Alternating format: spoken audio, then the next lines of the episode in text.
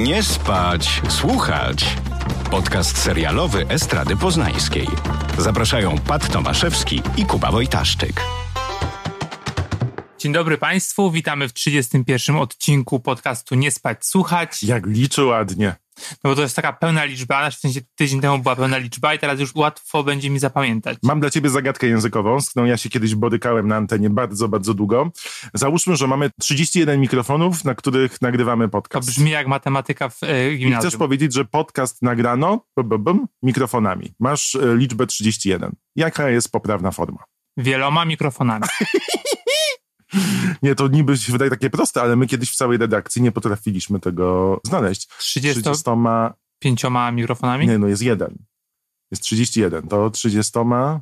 I tu język polski znów zaskakuje, bo poprawna forma to podcast nagrywano 31 mikrofonami. I Czy teraz, brzmi to? teraz powinny być świerszcze.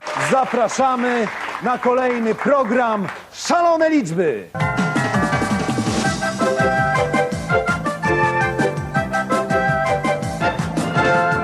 Widzisz, uczymy bawiąc, bawiąc uczymy. To samo No, powiedziałem dwa może- razy być może. Może porozmawiajmy o telewizji. Dlaczego? Nie wiem, jakoś tak wydaje mi się, że warto już zejść z tej matematyki i może jednak zająć się tym, co jest przyjemne i wartościowe, nie matematyka. Tak, szczególnie, że w tym czasie, w którym jesteśmy, taka odskocznia jest bardzo mile widziana. Dziś w odcinku Nie spać, słuchać opowiemy o dwóch nowych tytułach telewizyjnych, co cieszy mnie jednym polskim i jednym zagranicznym z gwiazdorską obsadą. patriotyzm lokalny. Ale najpierw może powiedzmy takie szybkie newsy. Break news. E, bardzo mi smutno, ponieważ David Fincher powiedział, że najprawdopodobniej nie wróci na plan, e, czy tego planu w ogóle nie będzie, Mindhuntera. Czytaliśmy tego samego newsa i ty go odczytałeś jako definitywny koniec, a ja odczytałem, że jest iskierka i tą iskierką postanowiłem żyć. Że kiedyś może wrócą do tego. Znaczy, no może i tłumaczenie jego było takie, że po prostu to za, za drogi serial. Teraz przez pandemię nie mogą do chyba to w Pittsburghu przyprowadzić całej Sankt obsady. Petersburg. Tak, właśnie tam. Całej obsady nie mogą po prostu tam przenieść do tej miejscowości. Mm, no i ta kasa jakby jest y, w dużej mierze priorytetem, no ale nie oszukujmy się, Netflix te, te pieniądze posiada. Tak, co więcej, Fincher powiedział takie ładne zdanie, że on już nie jest w stanie zejść poniżej pewnej kwoty.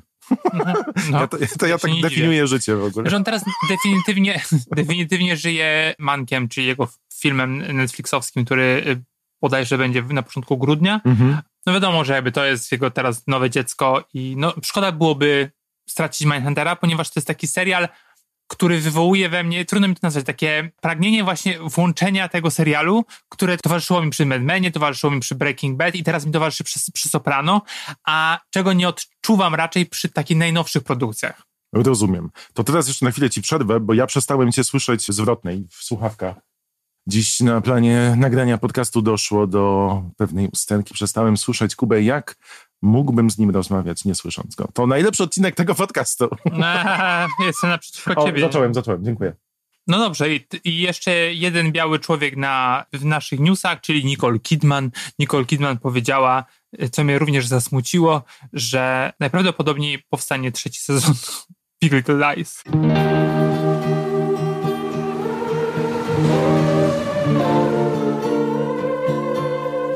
Drugi sezon był zupełnie niepotrzebny. Powiedzmy sobie szczerze, Kuba uważa, że był najgorszą rzeczą w telewizji. Ja uważam, że były gorsze, że jednak trochę czasu się z tymi bohaterami spędziło, co nie zmienia faktu, że podejście do e, Afroamerykanów plus e, kwestia tego, że Reese Witherspoon i jej mąż grany przez Adama Scotta nie mieli nic do roboty pra- praktycznie w tym sezonie, No. no była bardzo widoczna, ale no jeżeli autorka powieści, książki, na podstawie której ten serial powstał, mówi, że pracuje nad ciągiem dalszym i widzi jakiś potencjał w tym, no bo kacing, kacing, kacing, Ka-ching. no to jest potencjał główny. to no jeżeli te aktorki mają ochotę spotkać się i zrobić coś przyjemnego i wiesz, i przy okazji pokazać nam kilka kolejnych kreacji swoich, dlaczego nie? Ja lubię, one mogłyby dla mnie grać w szachy po prostu i to się miło ogląda. A ja nie. Znaczy, no lubię je jakby oglądać na ekranie, ale wolałbym obejrzeć w czymś bardziej dopracowanym, a nie sądzę, że tak będzie, bo po prostu mamy dowód, wiesz, mamy drugi sezon Big Little Lies, który nie był dopracowany, mamy Little Fires Everywhere, które było totalną klapą, mamy te wszystkie inne produkcje Reese Witherspoon typu The Morning Show, który no również był niedogotowany ostro. Dla ciebie, ale wiele osób nie szuka rozrywki na najwyższym poziomie i dla nich te seriale, które wymieniłeś, czyli il...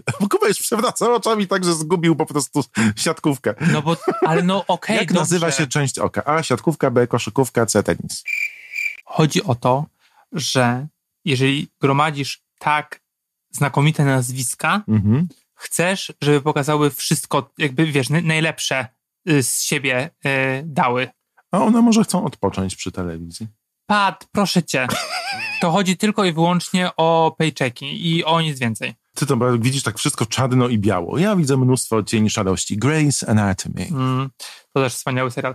I Masz coś do że, Anatomy? wydaje mi się, że, że O nie, nie, nie, nie, nie, nie. wydaje mi się, że Nie podoba ci się, że główna bohaterka przeżyła i katastrofę lotniczą, i kolejową, i strzelaninę, i wszystkie możliwe... Nie, bo widzisz, tortury? bo to jest serial, który może em, dać ci taką niezobowiązującą rozrywkę. To prawda, o jeszcze. A i tak, i tak też jest reklamowany, też tak jest pozycjonowany, że to jest trochę guilty pleasure, nawet bardzo. Mhm. A Big Little Lies początkowo było, że o, wypijesz ze swoją przyjaciółką kieliszek rosé i będzie super, ale jednocześnie... Chyba właśnie z mimiką oddał całą tę sytuację. I, ale, ale to cały czas było tak, że to jest high quality i to jest coś lepszego niż właśnie Grey's Anatomy. Niż, niż po prostu taki guilty pleasure. I też te wszystkie nagrody, które, do których był nominowany, No. i też wypowiedzi krytyków i obsady, tak też to wszystko pozycjonowa- pozycjonowały.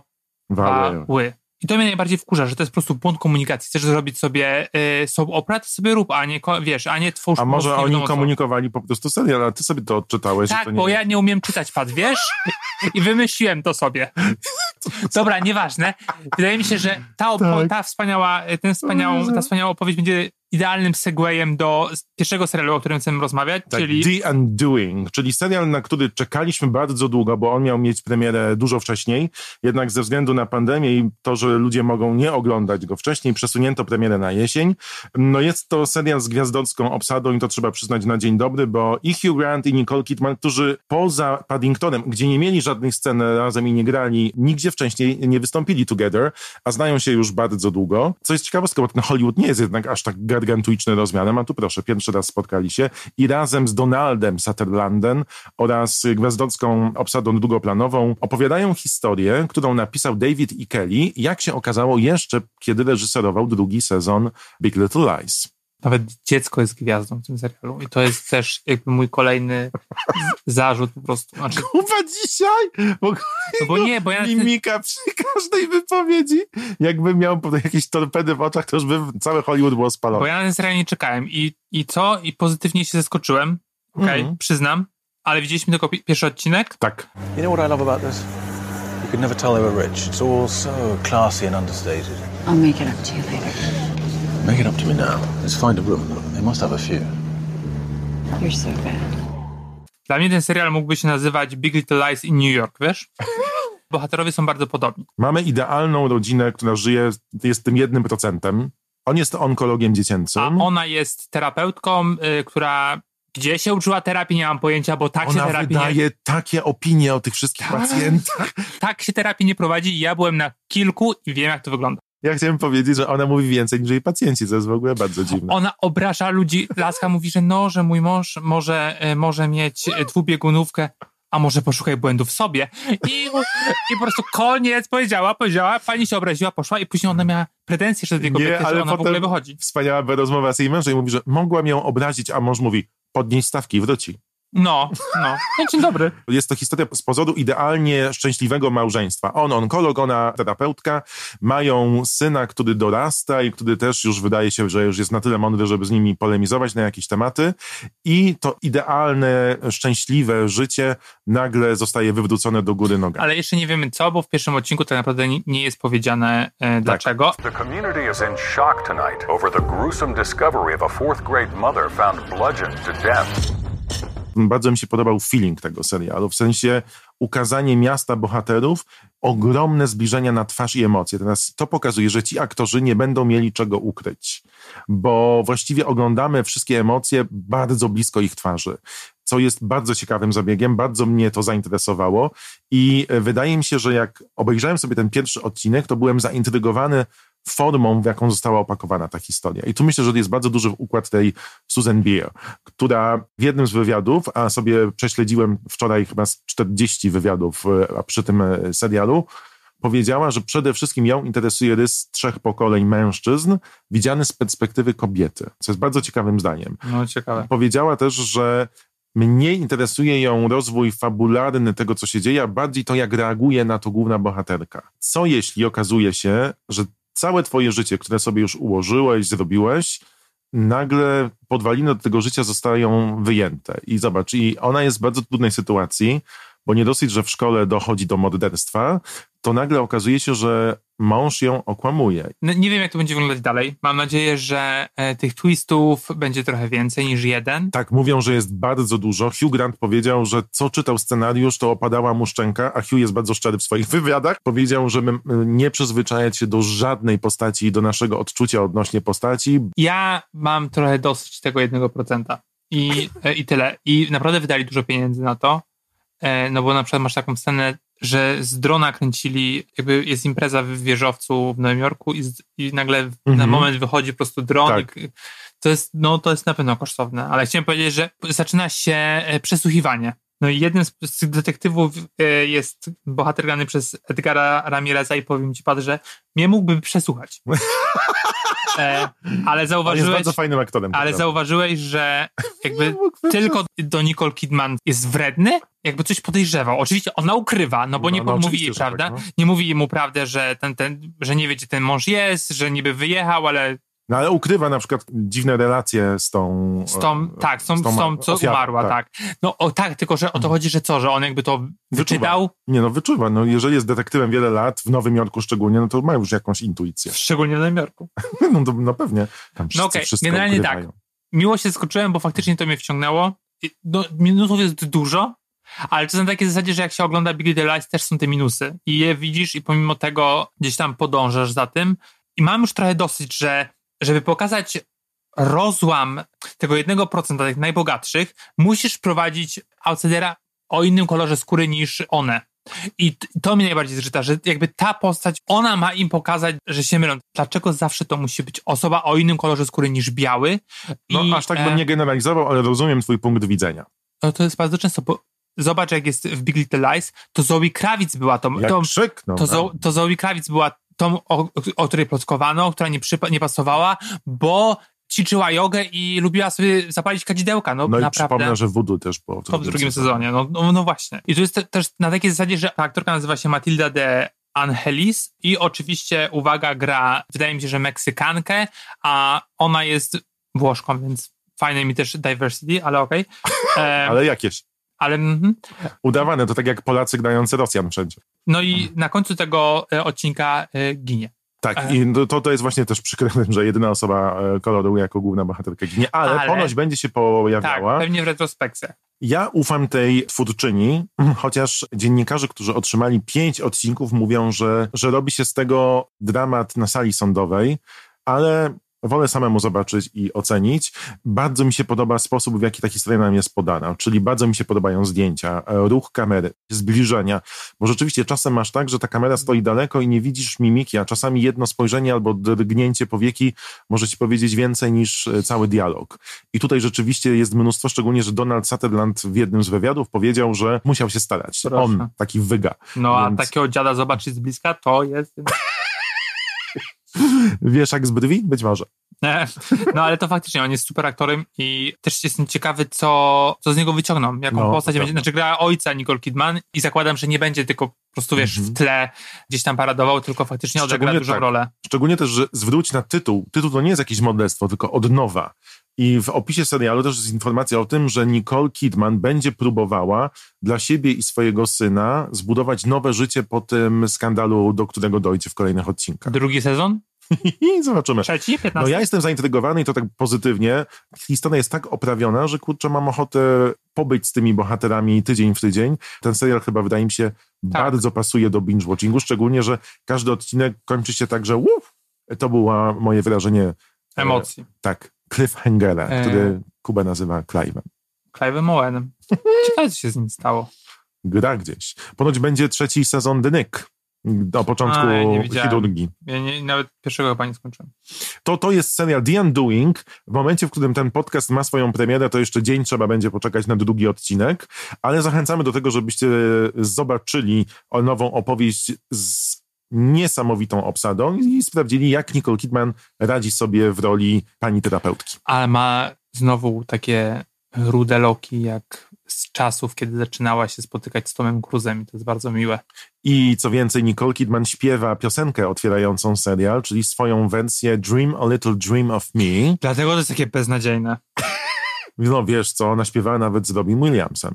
A lubiłem tę piosenkę. No i śpiewała w Moulin Rouge. To widziałem tylko raz, to nie, nie pamiętam. Mówiła, że czuła się bardzo niepewnie nagrywając tę piosenkę, ale tam No, jest taki, biedna. nie wiem czy załapałeś, jest taki element w czołówce, bo tam jest dziecko, które bawi się bańkami i taką kulą szklaną. Która jest niby małą Nicole Kidman. Tak, i w pewnym momencie ta kula się cała zaczerwienia. Bardzo ładna. To jest, to jest w sekundzie tylko. Bum. To to jest The Undoing. e, Na HBO w Polsce można oglądać i HBO Go. Gorąco też zachęcamy, żeby wejść na przykład na stronę YouTube'ową HBO, gdzie uruchomiono takie cztery materiały zakulisowe. Jest świetna rozmowa Hughes Nicole, gdzie tak na luzie, jak e, Netflix to zrobił, kiedy Olivia Colman i Helena Bonham Carter sobie rozmawiały o pracy przy serialu, opowiadają właśnie jak do tego doszło. Where did we first meet? Ever. What? Can you remember that? To me, it's very special. To you, clearly. No. dlaczego ich ten serial przyciągnął, ale też są historie zakulisowe, czyli jak Nowy Jork pokazywany jest w tym serialu, jakim jest bohaterem. Kiedy rozmawiali o tym, jak zrobić ten serial, to David zapytał, kto powinien wyreżyserować ten serial. I ona mówiła, że była wielką fanką Susan Beer właśnie, ze względu na, na to, jakie seriale tworzyła, ale też ze względu na to, że ona ma Oscara przecież za duński film na swoim koncie i zawsze chciała zrobić co z nią, ale nigdy projekty, w które się angażowała, nie pozwalały na to. No i to była okazja, kiedy ona sama się zwróciła do niej. Coś, co jeszcze jest plusem dla mnie serialu, przestrzenie, w których oni występują, typu dom na przykład, Typu dom. typu dom, wyglądają na miejsca, w których się mieszka. I powiem ci dlaczego. E, Mimo, że nie zapytałeś, ale dziękuję. Dlaczego? O, super, że pytasz. Jest tam momentami syf na niektórych meblach. Rzeczy są porozwalane, jak w domu normalnie. I to jest rzecz, która mi przeszkadzała w odbiorze serialu, o którym teraz powiemy. No to powiedz. Serial nazywa się Król. Poczekaj, z moim R? Król? Król Lil. To był Król Lil. jest to polski serial e, na podstawie książki Szczepana Twardocha Król. Król. Bardzo proste. Król Szczepana Twardocha w reżyserii Jana P. Matuszyńskiego. Jana P. Matuszyńskiego. Dziękuję, że powtórzyłeś. Musimy nieustannie stawać przeciwko faszyzmowi! Kolego, kto rządzi Polską? Polską rządzą stare pryki. Trzeba ich pogonić. To miasto i w ogóle ten kraj zasługują na to, żeby być wielkie. Mieliśmy możliwość zobaczenia przedpremierowo dwóch odcinków. To jest najlepszy polski serial. Nie wciągnął, co się rzadko zdarza. Pewnie obejrzę dalej. Chyba, bo to trzeba wykupić kanał Plus. Ale na pewno warto. Tak, ja muszę też przyznać, że jestem bardzo mile zaskoczony i polecam, bo po pierwsze, jest to ciekawie zrobiona i pokazana historia. Podobają mi się kadry, podoba mi się ten master shot, który otwiera serial. Naprawdę to jest nie lada wyczyn. Ujęcia master shotowe to są te ujęcia, gdzie kamera płynnie przesuwa się między pomieszczeniami i podąża za bohaterem mm, bez żadnych cięć. I to jest prawie, że balet zrobienie takiego master shota, więc nie dziwię się, że od razu ten serial będzie w konkursie Camera Image jako jedyna polska produkcja serialowa walczyła o najważniejsze nagrody, bo na to zasługuje. On jest zrobiony świetnie. Tam drugi plan momentami, przecież jak są te, ten targi z ryneczek, ilu tam jest statystów, każdy ma swoją Tak. historię, tam ludzie nie stoją właśnie. To jest fajne. Ja mam problem z tymi, tym całym tłem. To jest tam dla mnie niedopracowane. Ale poczekaj, bo mówimy o plusach teraz i ja się cieszę, że taka produkcja, która zaangażowała tyle osób, ma swoją premierę i że ktoś w ogóle powiedział, hej, róbmy serial w latach, e, późnych latach 30., w dwudziestoleciu międzywojennym. Tam język polski nie jest głównym polskim To e, prawda, w to serialu. prawda nie, mówią, e, nie mówią tylko po polsku, to jest świetne. Miło patrzeć, że jest też i dużo kobiet, jest dużo aktorów mniej znanych, chociaż jak znowu wi widzę Pieczyńskiego albo Ferencego, to mówię, ojejku, ile można. Ale Szczególnie Pieczyński jest super. Ferenc też. Tak samo Szyc ma przydupasa w tym serialu.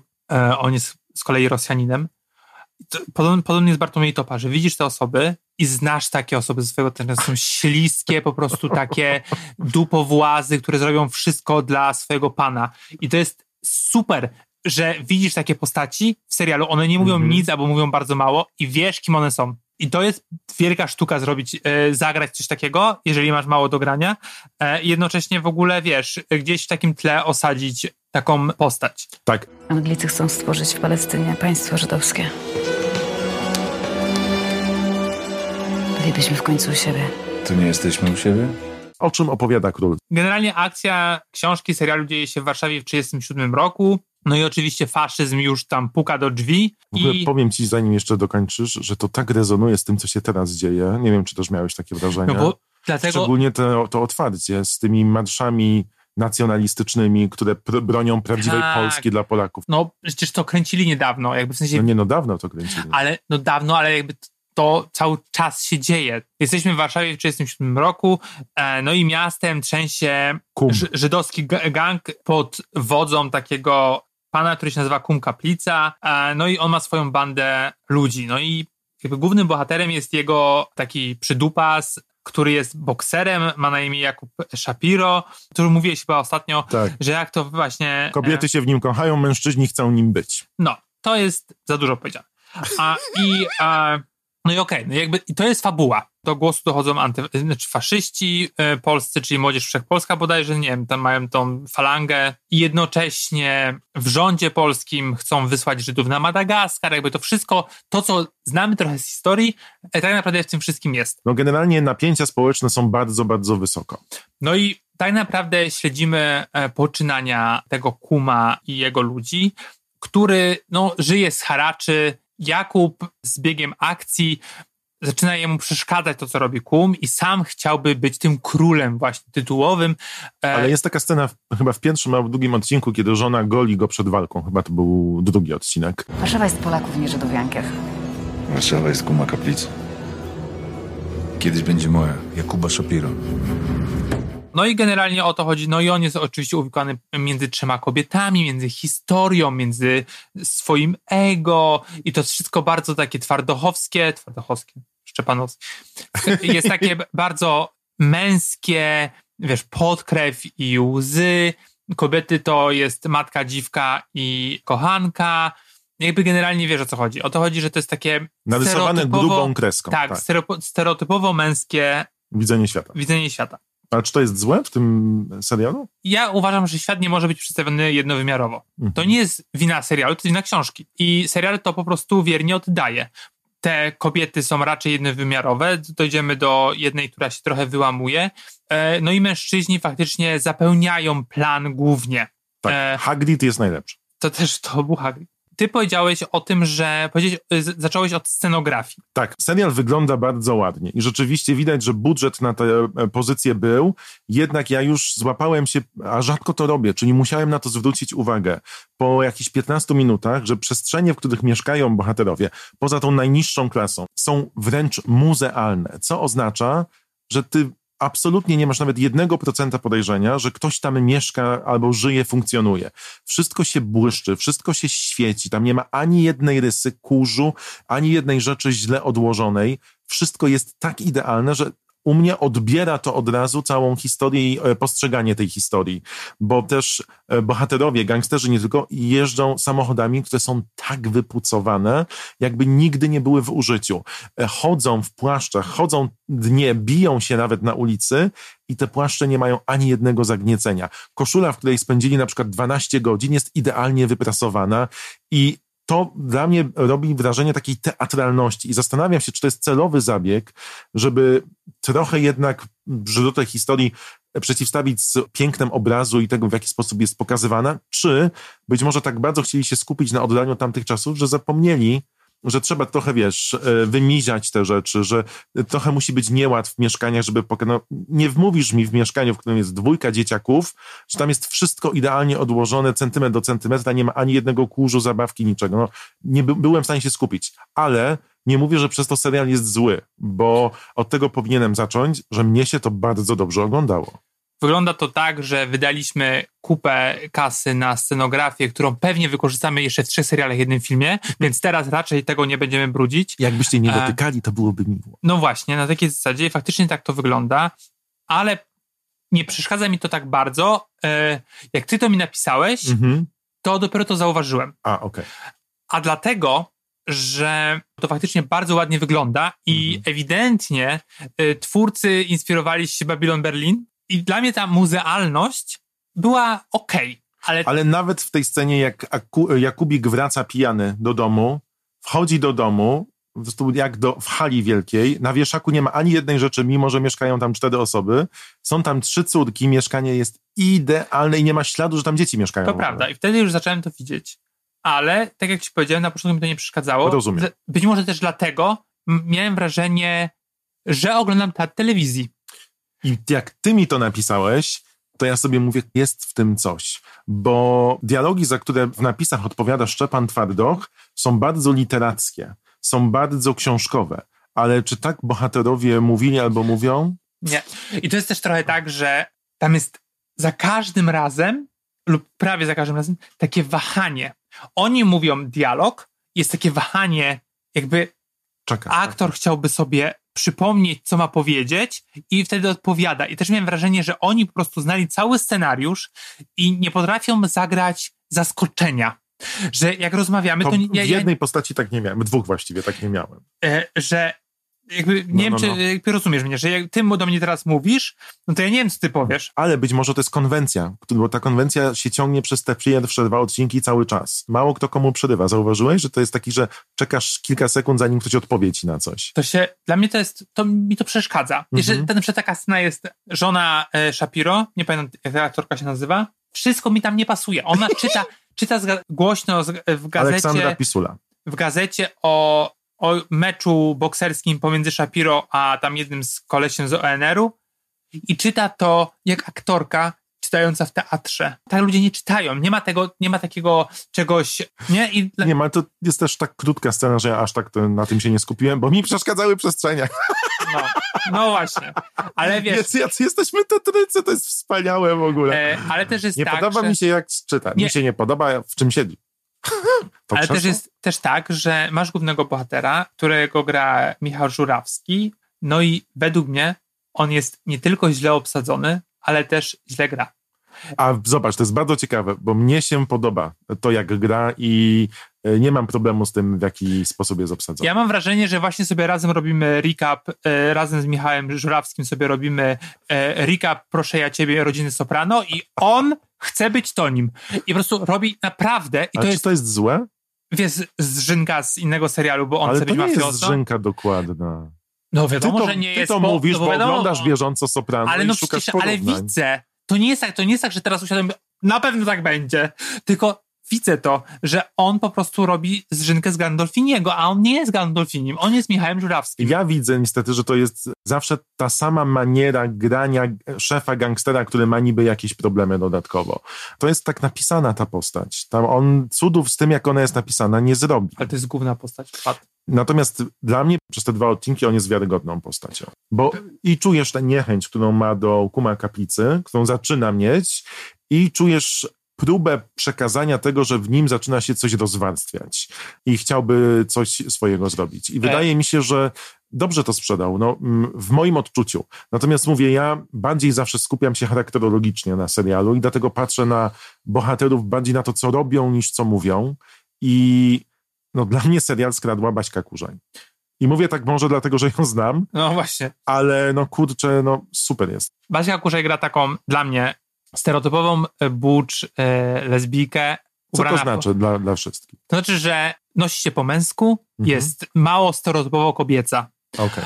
Jest to ciekawa postać, ewidentnie bardzo taka współczesna. Mhm. Ja nie wiem, czy, czy to, że ją tak akceptują, byłoby wtedy mm, w dwudziestoleciu tak mile widziane i tak akceptowane przez tych kolesi z, z tej bandy. No jestem bardzo ciekaw, czy oni wytłumaczą te, te związki tej całej bandy z Shapiro, no bo jednak ufają sobie bardzo i rzeczywiście jest tam kobieta nieheteronormatywna, co jest bardzo ciekawe, jak, jak mówisz. I oficjalnie jakby ona jest, że mieszka e, z kobietą, czy zadaje się z kobietami, w sensie seksualnie i oczywiście nie ma wyśmiewania, Tak. ale jest taka, no że taka kobieta jak ty, na takiej zasadzie, że taka Mhm.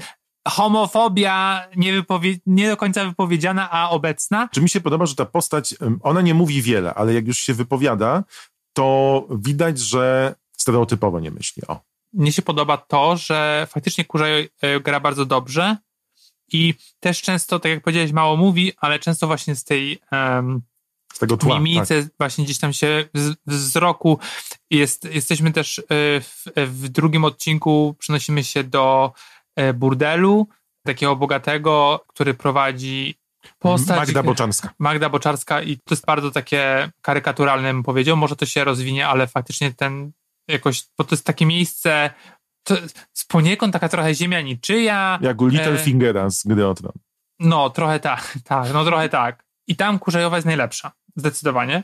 I dobrze, że o niej mówimy, bo przypomniało mi się, dlaczego ten serial jednak lubię. O, proszę. Bo tak sobie, jak jeszcze przed chwilą tak y, trudno było mi przypomnieć, jak sobie tak ma- marudziłem na niego, bo faktycznie mnie wciągnęło. To jest najlepszy serial polski, jaki widziałem od dawna. To prawda. Nie wiem, czy to jest aż, wiesz, taki wielce plus, bo ponieważ polskie produkcje zazwyczaj są po prostu słabe, ale tu faktycznie kasy wpakowali dużo, y, dobrali niezłych aktorów, którzy w większości się nie sprawdzają. Zaraz dojdziemy do, do, mo- moich, Do największych, do moich największych plusów i do swoich pewnie minusów. Aczkolwiek Historia wciąga i chcesz ją oglądać bez Tak, względu na te też- mankamenty, o których my mówimy, bo to też- nie są wielkie mankamenty. ale też, czy masz tam, czy jest tam fabuła? No na początku. No, ona się bardzo wolno rozwija, to prawda, bo najpierw musisz poznać ten świat. Y, Jeszcze nie ma żadnej jakiejś wielkiej wojny fabularnej z bohaterami. Oni są uwikłani w sytuacjach, w których ich zastajemy. Shapiro kończy karierę bokserską. To to jest jakiś wątek fabularny, nie wie co zrobić dalej.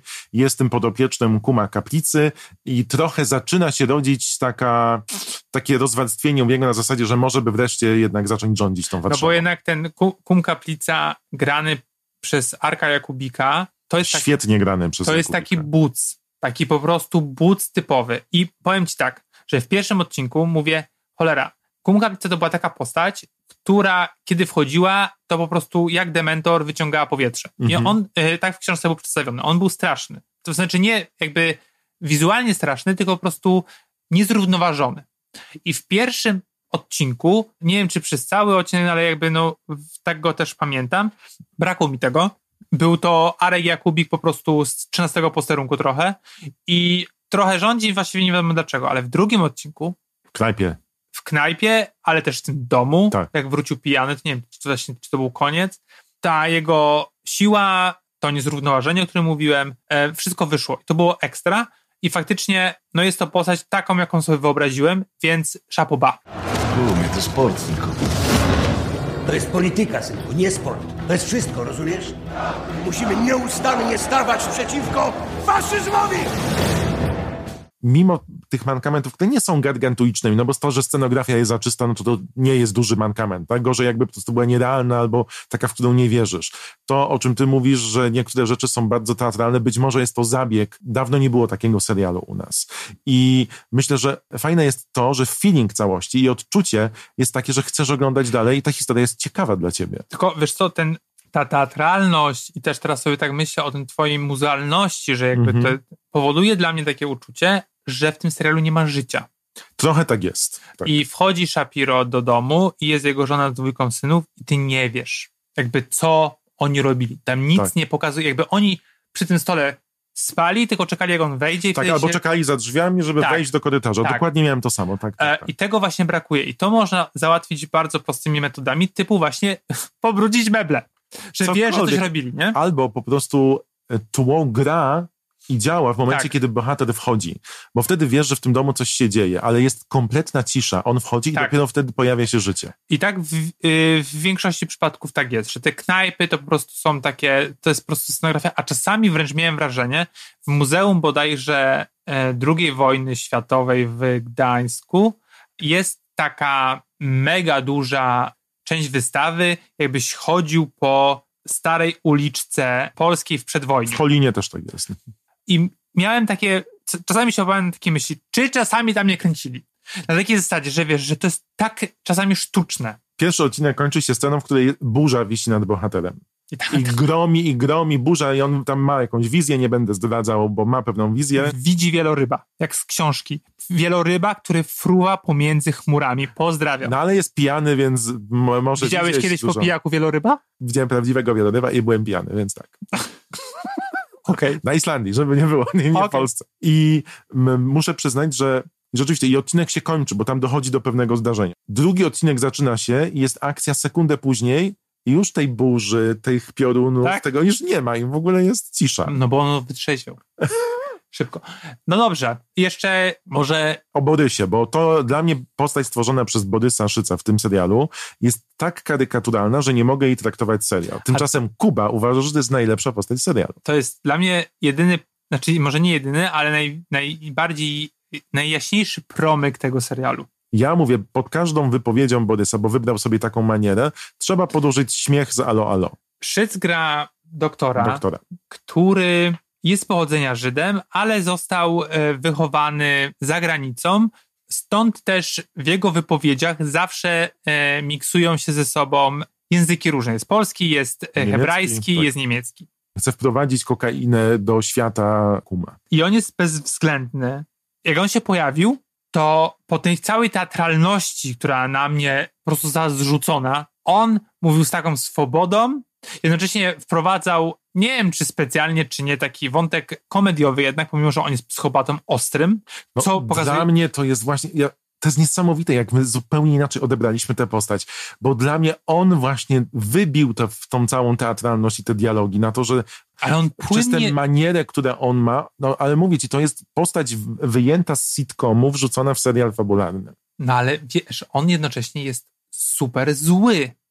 I, Mm, za bardzo jest to dla mnie przerysowane. Ale Nie, jestem, właśnie- nie, nie umiem tego, tego odebrać. I to jest tak, nie że... umiem. Ale widzisz, to jest też trochę tak, że faktycznie on jest przerysowany, ale też pytanie, czy to jakby nie podważa e, tej teatralności, trochę ją rozsadza, jakby daje trochę powietrza. Nie, dla mnie to Wiesz- jest skaza w tym serialu. Być może będzie też to skaza.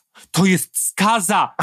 E, Być może będzie tak, że faktycznie w kolejnych odcinkach tego będzie za dużo. Że on jakby nie, nie, nie zmieni toru. Bo to jest postać dominująca faktycznie jak się pojawia, to faktycznie jest jego przestrzeń i to też pokazuje klasę aktorską Szyca.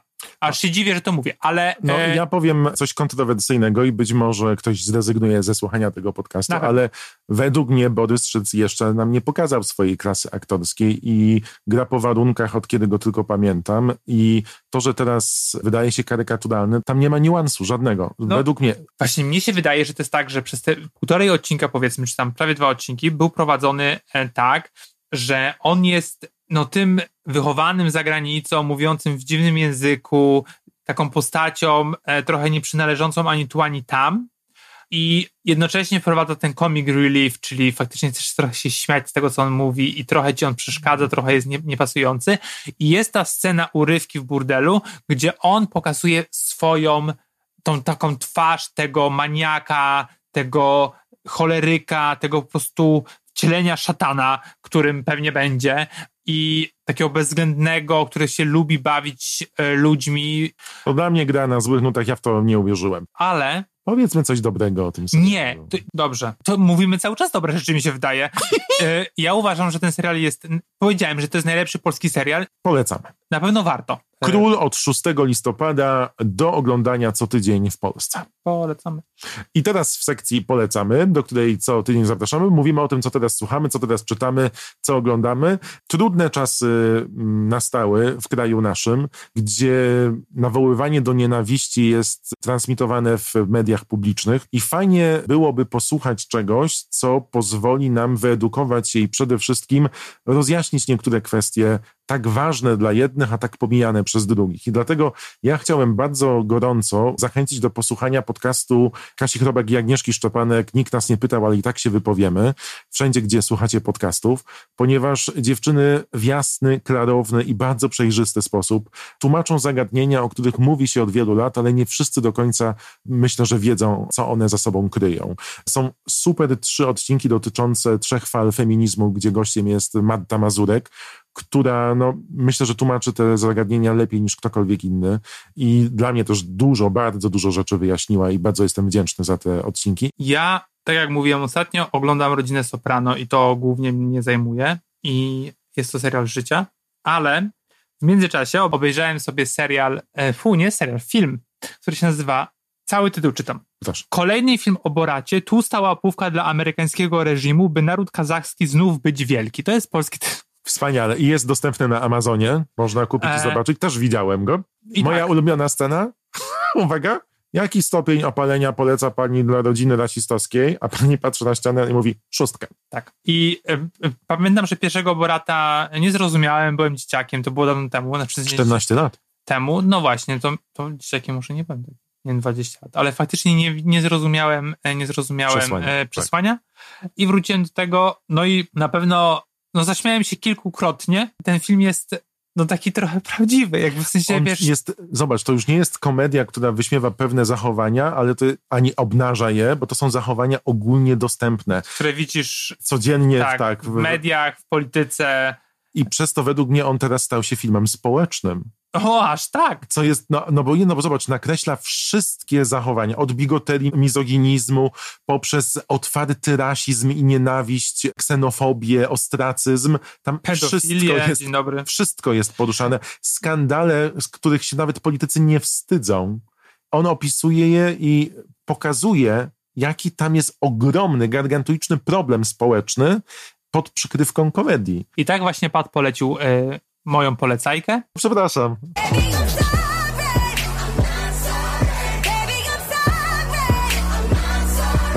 Ja chciałem tylko jeszcze dodać do tego, co Pat powiedział, bo z tym się e, w dużej mierze zgadzam. Już nie pamiętam wszystkiego, co powiedział, więc... To powiedz jeszcze raz, a ja udam, że nic nie mówiłem. E, Nie, no już spoko.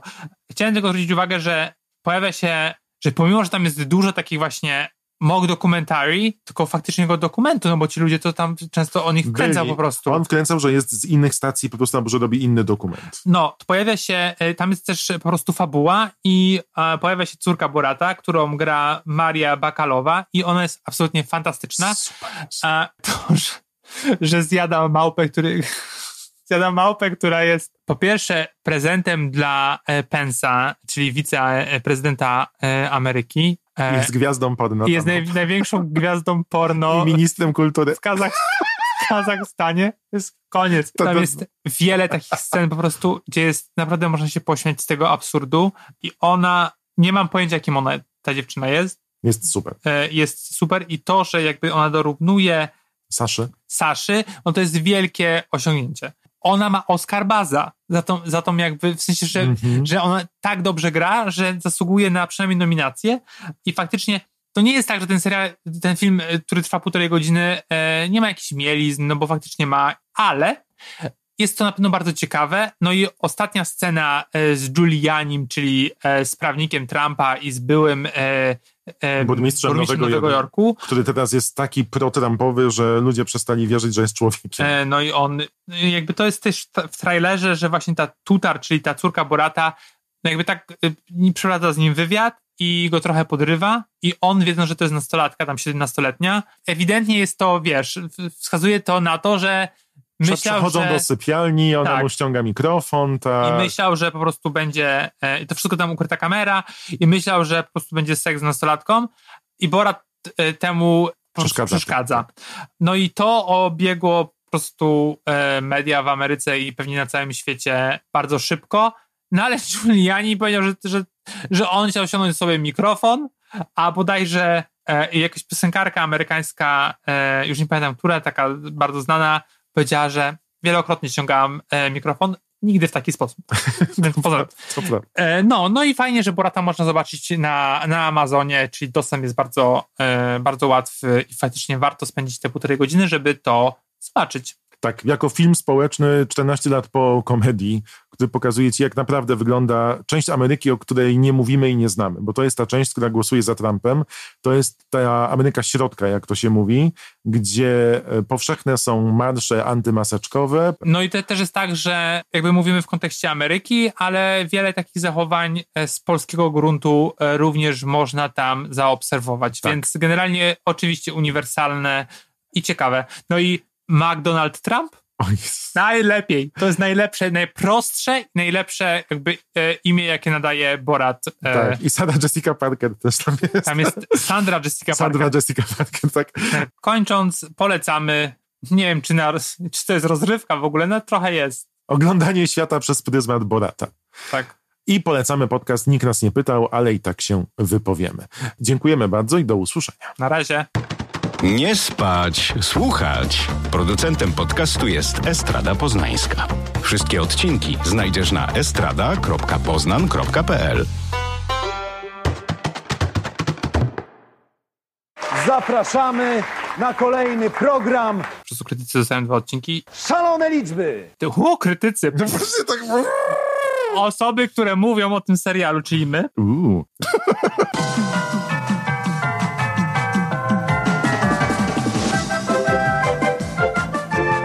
Ale krytycy tak... Tak,